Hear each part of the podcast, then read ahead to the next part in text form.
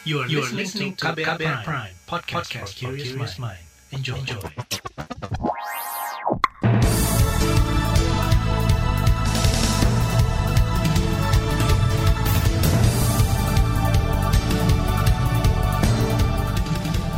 Selamat pagi saudara, senang sekali kami bisa menjumpai Anda kembali melalui program Buletin Pagi edisi Selasa 25 Mei 2021 bersama saya Ardi Rosyadi.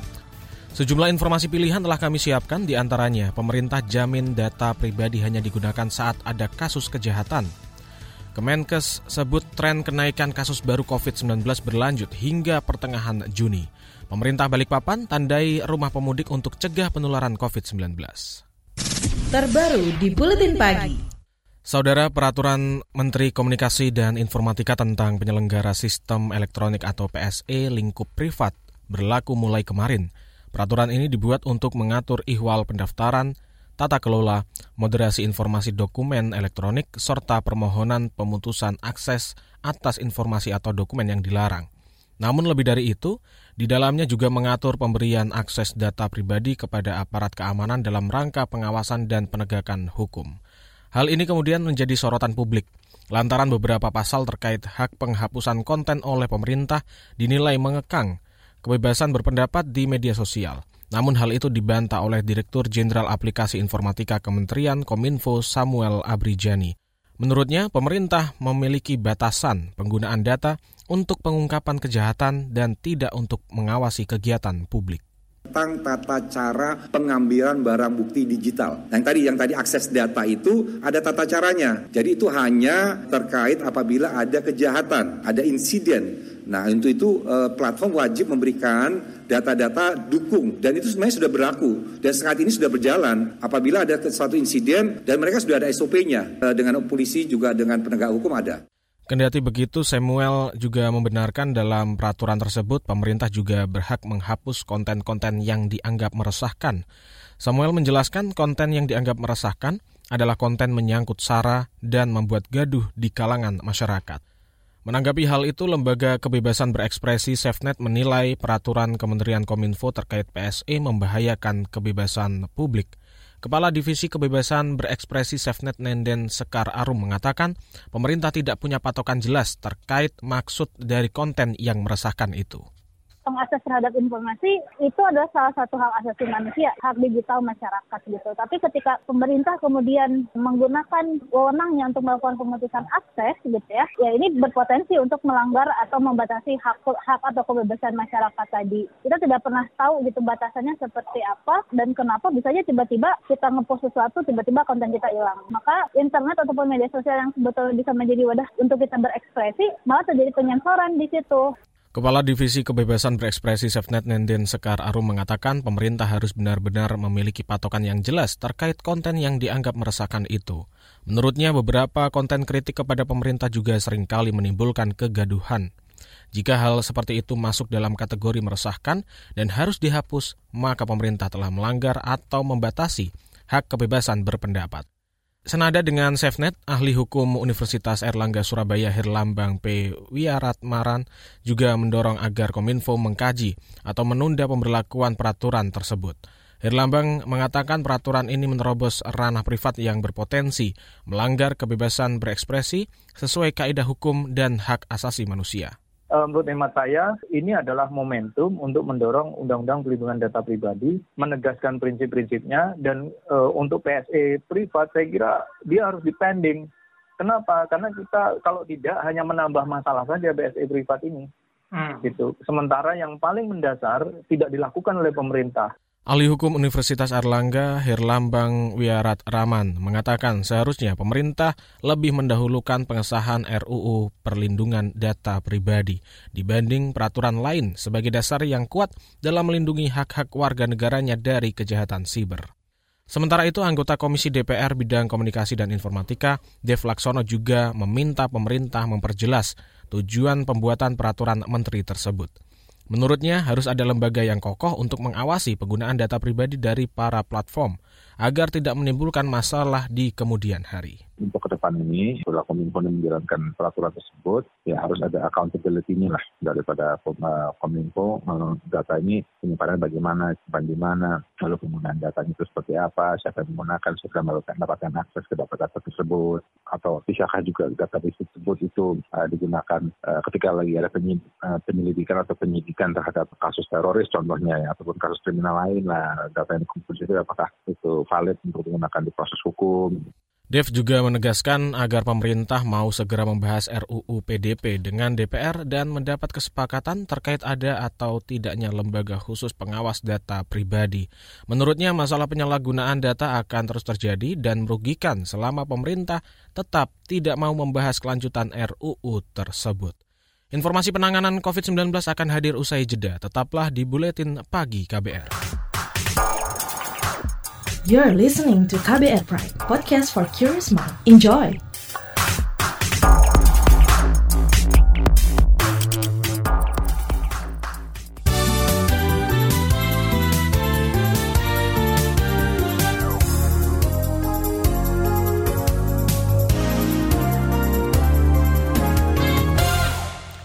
Terima kasih Anda masih bersama kami dalam Buletin Pagi KBR. Informasi pada pagi hari ini kami sampaikan Wakil Menteri Kesehatan Dante Saksono Herbuono mengatakan dampak mobilisasi masyarakat pada libur lebaran 2021 mulai terasa dalam beberapa hari ini. Dante mengatakan selama empat hari terakhir peningkatan kasus baru mencapai 5.000 kasus per hari. Kata dia, selain faktor mobilisasi masyarakat, mutasi virus juga mendukung peningkatan kasus. Ia memperkirakan tren peningkatan kasus harian COVID-19 akan terjadi sampai pertengahan Juni 2021. Kombinasi antara faktor eksternal berupa mobilisasi dan faktor endogen berupa mutasi dari virus menyebabkan kasus ini akan meningkat beberapa saat ke depan. Kita masih tetap harus menjaga protokol kesehatan berkenaan dengan hal tersebut. Kita terus menjaga supaya stabilitas ekonomi tetap berjalan dengan baik maka dengan itu kita melakukan beberapa keseimbangan antara protokol kesehatan dan kebijakan-kebijakan ekonomi. Wakil Menteri Kesehatan Dante Saksono menambahkan setidaknya ada tiga varian mutasi virus COVID-19 yang menjadi perhatian pemerintah, yakni varian Inggris, varian India, dan varian Afrika Selatan. Kata dia, saat ini sudah tercatat 54 kasus akibat terpapar ketiga varian tersebut. 35 kasus berasal dari pekerja migran, dan 19 di antaranya adalah kasus kontak internal atau transmisi lokal dari pekerja migran yang terpapar. Masih terkait penanganan COVID-19, hari ini Indonesia akan kembali menerima vaksin dari Sinovac sebanyak 8 juta dosis dalam bentuk bahan baku.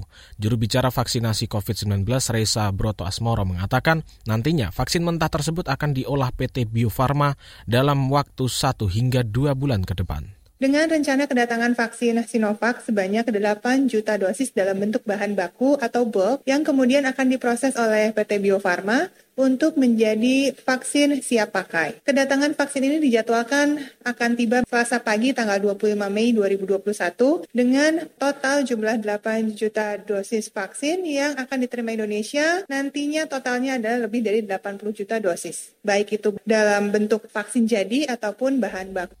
Itu tadi penjelasan juru bicara vaksinasi COVID-19 dan Duta Adaptasi Kebiasaan Baru Reza Broto Asmoro. Sementara itu, hingga saat ini Indonesia telah menerima sebanyak 83 juta dosis vaksin dari berbagai merek seperti dari Sinovac dan AstraZeneca. 24 juta di antaranya telah diberikan kepada peserta vaksinasi gelombang 1 dan 2. Kita beralih ke berita ekonomi. Ketua Komite Penanganan COVID-19 dan Pemulihan Ekonomi Nasional Erlangga Hartarto mengungkapkan sebanyak 10 juta orang telah kembali ke dunia kerja pada bulan Mei tahun ini. Ia juga mengklaim tingkat pengangguran berkurang dibandingkan pada pertengahan tahun lalu. Hal ini menunjukkan indikator sosial yang membaik di tengah pandemi COVID-19 dan indikator sosial juga menunjukkan perbaikan di mana dampak pandemi COVID telah berkurang terhadap tenaga kerja yang terpengaruh atau terdampak oleh COVID. Pengangguran di Indonesia turun 6,26 persen dari sebelumnya 7,07 di bulan Agustus dan penduduk yang terdampak akibat COVID menurun dari 29,12 juta menjadi 19,10 juta. Berarti 10 juta kembali masuk ke dunia kerja. Erlangga Hartarto juga memaparkan realisasi pemulihan ekonomi nasional naik yang pada awalnya berjumlah 60 triliun atau 26,3 persen menjadi 123 triliun rupiah. Sementara itu, kata Dian, raca perdagangan Indonesia juga mencatatkan adanya surplus 2,19 persen dari pertumbuhan ekspor dan impor. Kita beralih ke soal lain. Komisi Nasional Komnas Hak Asasi Manusia akan membentuk tim investigasi terkait aduan 75 pegawai Komisi Pemberantasan Korupsi KPK yang dinonaktifkan setelah tak lolos tes wawasan kebangsaan atau TWK. Komisioner Komnas HAM Muhammad Hoirul Anam menyebut pihaknya telah menerima sejumlah dokumen dari Novel Baswedan CS itu untuk melengkapi berkas pelaporan penyelidikan. Memang kami dijelaskan bagaimana proses, substansi, bahkan postur kira-kira kenapa itu jadi. Dan kami ucapkan terima kasih ke teman-teman semuanya, termasuk ke, ke kuasa hukumnya. Itu yang pertama. Yang kedua, karena kami mendapatkan berbagai informasi itu termasuk tadi kami juga diberikan sekepok dokumen yang menurut kami itu lumayan banyak informasinya baik fakta-fakta catatan atas fakta-fakta dan beberapa instrumen hukum yang melandasinya. Komisioner Komnas HAM Hoirul Anam mengatakan pihaknya akan berupaya menuntaskan permasalahan ini lantaran berkaitan dengan proses penyelenggaraan negara yang harus bersih dan bebas korupsi. Sementara itu, informasi lainnya, Menteri Sosial Tri Risma hari ini mengungkapkan, sampai saat ini bank yang diberi mandat mencairkan bantuan sosial untuk masyarakat belum sepenuhnya menyalurkan bantuan kepada penerima. Hal itu terjadi lantaran terdapat nama-nama yang tidak sesuai dan aneh, sehingga perlu ada pendataan ulang. Kurang lebih 3 juta sekian, karena bank tidak mau menyalurkan. Setelah kita kenceng, bank tidak mau menyalurkan 3 juta. Lah wong namanya tuh memang IT, Pak. Di data kependudukan itu namanya IT. Namanya NA70, nggak maunya. NA70 namanya memang. Kemudian namanya IT, namanya THR, nggak mau nyairkan, Pak. Menteri Sosial Tri Risma hari ini juga mengatakan selain nama yang aneh, bank juga enggan menyalurkan dana bansos lantaran penerimanya berkelahiran 2040 hingga 2060 juga tidak memiliki data lengkap seperti alamat penerima. Kendati demikian, Risma mengatakan akan tetap menyalurkan bantuan tersebut sesuai target setelah semua data diperbaiki. Kita ke informasi mancanegara. Sejumlah rumah sakit di kota Osaka, Jepang kehabisan tempat tidur dan ventilator setelah dihantam gelombang 4 COVID-19. Dilansir dari Reuters, Direktur Rumah Sakit Universitas Kindai Osaka Yuji Toda mengatakan pihaknya kewalahan menghadapi lonjakan pasien COVID-19 dua bulan menjelang pergelaran Olimpiade. Selain kehabisan tempat tidur, rumah sakit juga mulai kehabisan stok propofol atau obat penenang bagi pasien yang sedang diintubasi. Sementara itu, Kepala Departemen Perawatan Satsuki Nakayama juga mengeluhkan kurangnya tenaga kesehatan. Saat ini semua tenaga kesehatan telah diturunkan, di antaranya 500 dokter dan 890 perawat. Namun jumlah itu masih kurang, mengingat peningkatan jumlah pasien mencapai 5 kali lipat dari tiga bulan sebelumnya. Kita beralih ke informasi olahraga. Kepala Bidang Pembinaan dan Peningkatan Prestasi Pengurus Pusat Persatuan Bulu Tangkis Seluruh Indonesia atau PPPBSI Rioni Mainaki meminta agar Putri Kusuma Wardani tak dipuji berlebihan usai menjadi juara di kategori Tunggal Putri Spain Master 2021. Menurutnya penampilan Putri sudah sesuai harapan pelatih. Putri KW menjadi juara setelah mengalahkan wakil wakil Denmark Len Christophersen di final lewat dua game dengan skor 2-1-15, 2-1-10. Putri KW menjadi salah satu dari empat wakil Indonesia yang menjadi Spain Master 2021. Tiga wakil lainnya yakni ganda putri Yulvira Barkah Febi Valencia, ganda putri pra, ganda putra Pramudia Kusumawardana Yeremia Erich Yoce, dan ganda campuran Rinov Rivaldi dan Pita Haningtias Mentari. Laporan Saga KBR bertajuk mewaspadai kejadian ikutan pasca imunisasi atau KIPI akan kami hadirkan sesaat lagi. Tetaplah di Buletin Pagi KBR. You're listening to KBR Pride, podcast for curious mind. Enjoy!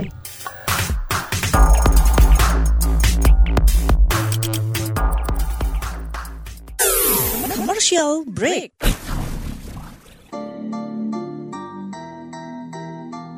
Come on yo, buat yang sukanya berhoax, you better listen to this one.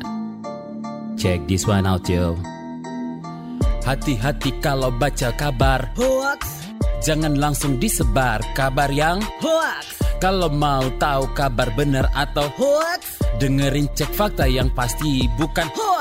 Dengerinnya setiap Senin yang jelas bukan Hoax. Cuma ada di kbrprime.id dan aplikasi podcast lainnya. Hoax. Sudah cukup-cukup hoaxnya? Hoax. Cukup. Jaga emosi, tahan jari, verifikasi sebelum dibagi.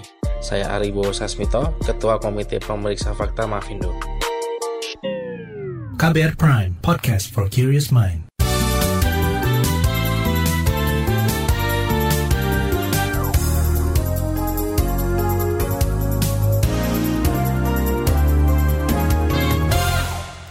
Terima kasih Anda masih bersama kami dalam Buletin Pagi KBR.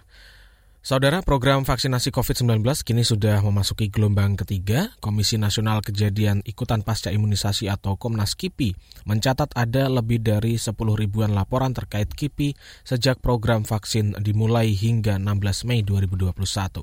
Pemerintah pun diminta transparan dalam melaporkan kejadian pasca imunisasi, sementara masyarakat diharapkan terbuka dan jujur soal riwayat kesehatannya. Berikut laporan khas KBR yang disusun Yovinka Ayu.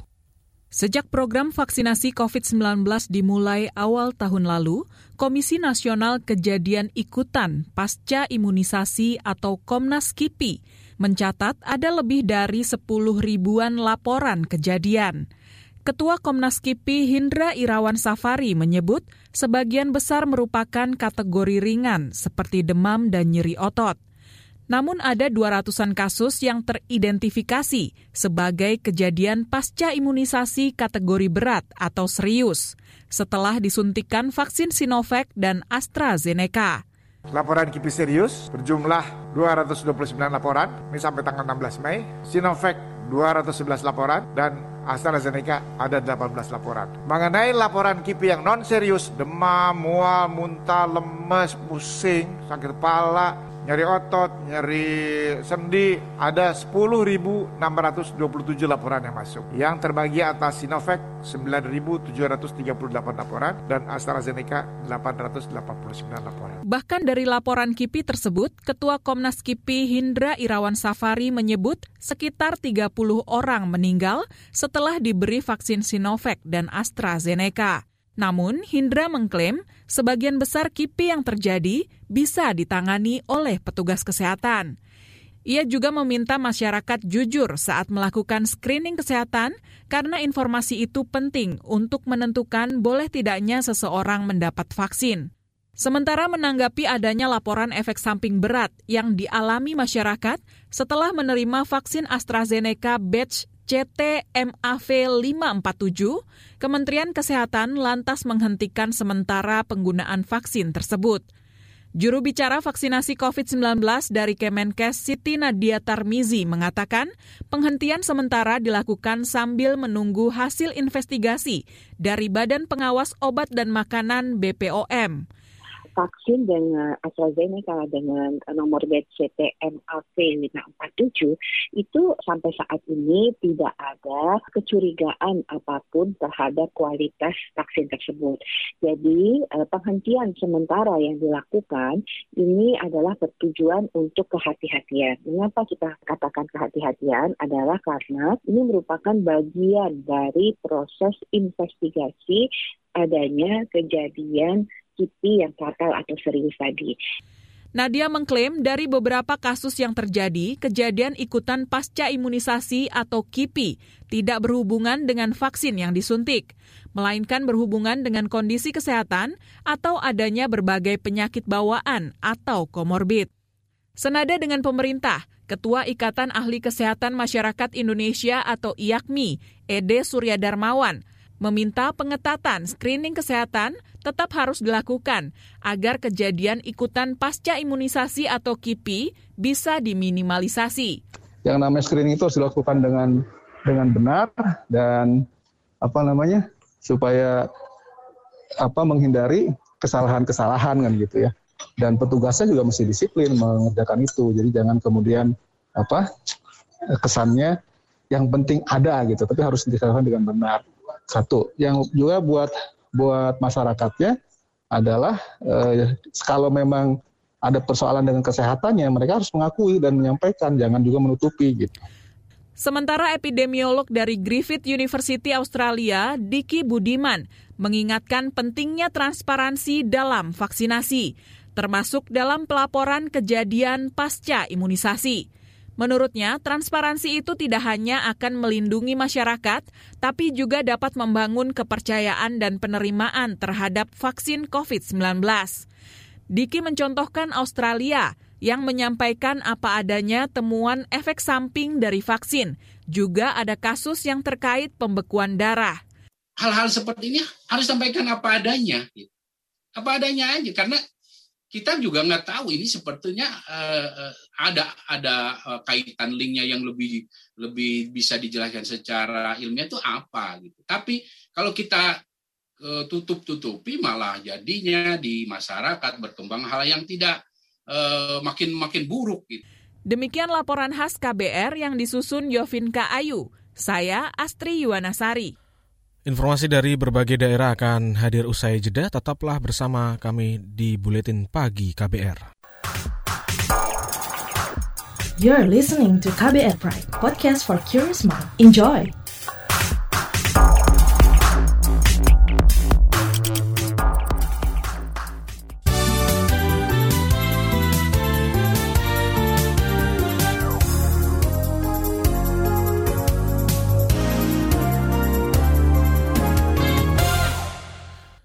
Inilah bagian akhir buletin pagi KBR. Pemerintah Kota Balikpapan akan memberi tanda khusus bagi rumah pendatang atau warga yang baru pulang dari luar daerah sebagai pencegahan COVID-19.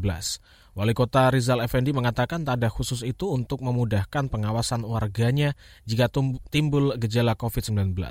Para warga ini juga akan menjalani karantina selama seminggu dan diawasi Satgas RT. Karena tetap dia masuk kelompok ODP, nanti kita minta PPKM Mikro di tingkat RT tetap memantau mereka kira-kira satu minggu supaya kita tahu betul apakah benar-benar negatif atau masih ada potensi yang lain gitu. Ya nanti kita sarankan kepada PPKM Mikro gitu memberi apa memberi tanda supaya mudah untuk monitoringnya gitu. Segera nanti kita minta tindak lanjuti gitu. Wali Kota Balikpapan Rizal Effendi sebelumnya mengeluarkan surat tentang pengetatan mobilitas masyarakat dari luar daerah pasca Hari Raya Idul Fitri. Ada beberapa poin penting yang diatur yakni melakukan pengetatan pintu-pintu masuk seperti di bandara dan pelabuhan dengan melakukan rapid antigen. Dari Jawa Barat, Gubernur Jawa Barat Ridwan Kamil menyatakan pekan ini kota Cirebon masuk dalam kategori zona merah paparan COVID-19.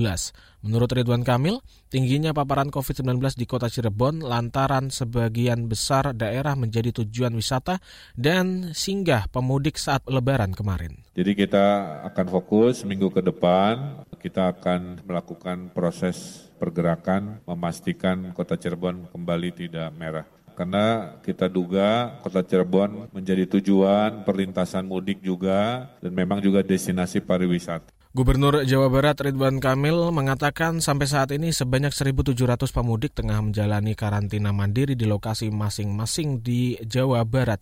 Sebelumnya Ridwan Kamil juga telah memperpanjang pemberlakuan pembatasan sosial berskala besar PSBB secara proporsional hingga 31 Mei. Keputusan tersebut merupakan tindak lanjut instruksi Menteri Dalam Negeri. Informasi dari Jawa Barat menutup perjumpaan kita di Buletin Pagi hari ini. Pantau juga informasi terbaru melalui kabar baru, situs KBR.id, Twitter kami di akun @beritaKBR, serta podcast di alamat kbrprime.id. Akhirnya saya Ardi Rosyadi bersama tim yang bertugas undur diri. Salam.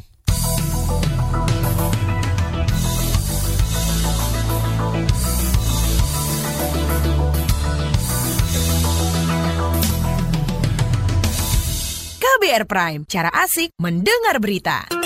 KBR Prime, podcast for curious mind.